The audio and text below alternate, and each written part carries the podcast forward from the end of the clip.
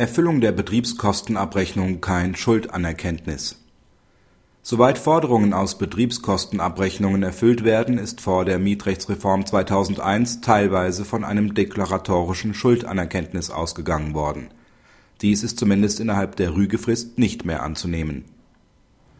Der Vermieter überlässt den Mietern im aktuellen BGH-Fall im Juni 2007 eine insoweit falsche Betriebskostenabrechnung für 2006 als in dieser ein wesentlicher Betrag versehentlich nicht angesetzt wird. Der Vermieterausgleich erfolgt vorbehaltlos.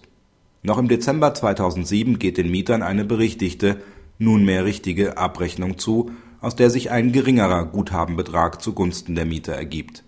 Der Vermieter bedient sich der erteilten Einzugsermächtigung und zieht das ausgezahlte zu hohe Guthaben ein, woraufhin die Mieter die Rückzahlung des Betrags verlangen. Vor dem BGH haben sie damit keinen Erfolg der Rückzahlung an den Vermieter steht nämlich nicht entgegen, dass den Mietern zuvor ein höherer Guthabenbetrag angerechnet wurde.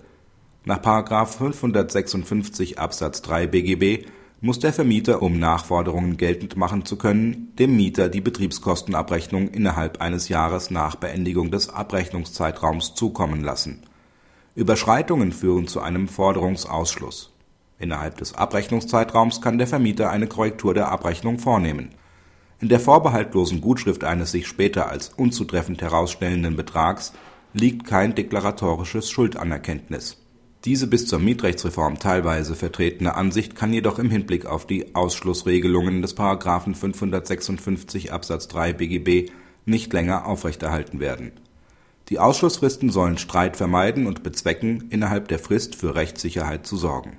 Daher besteht kein Bedürfnis nach Einführung dieser Regelung durch weitere Maßnahmen Klarheit über Forderungen oder Gutschriften aus vergangenen Abrechnungsperioden zu schaffen.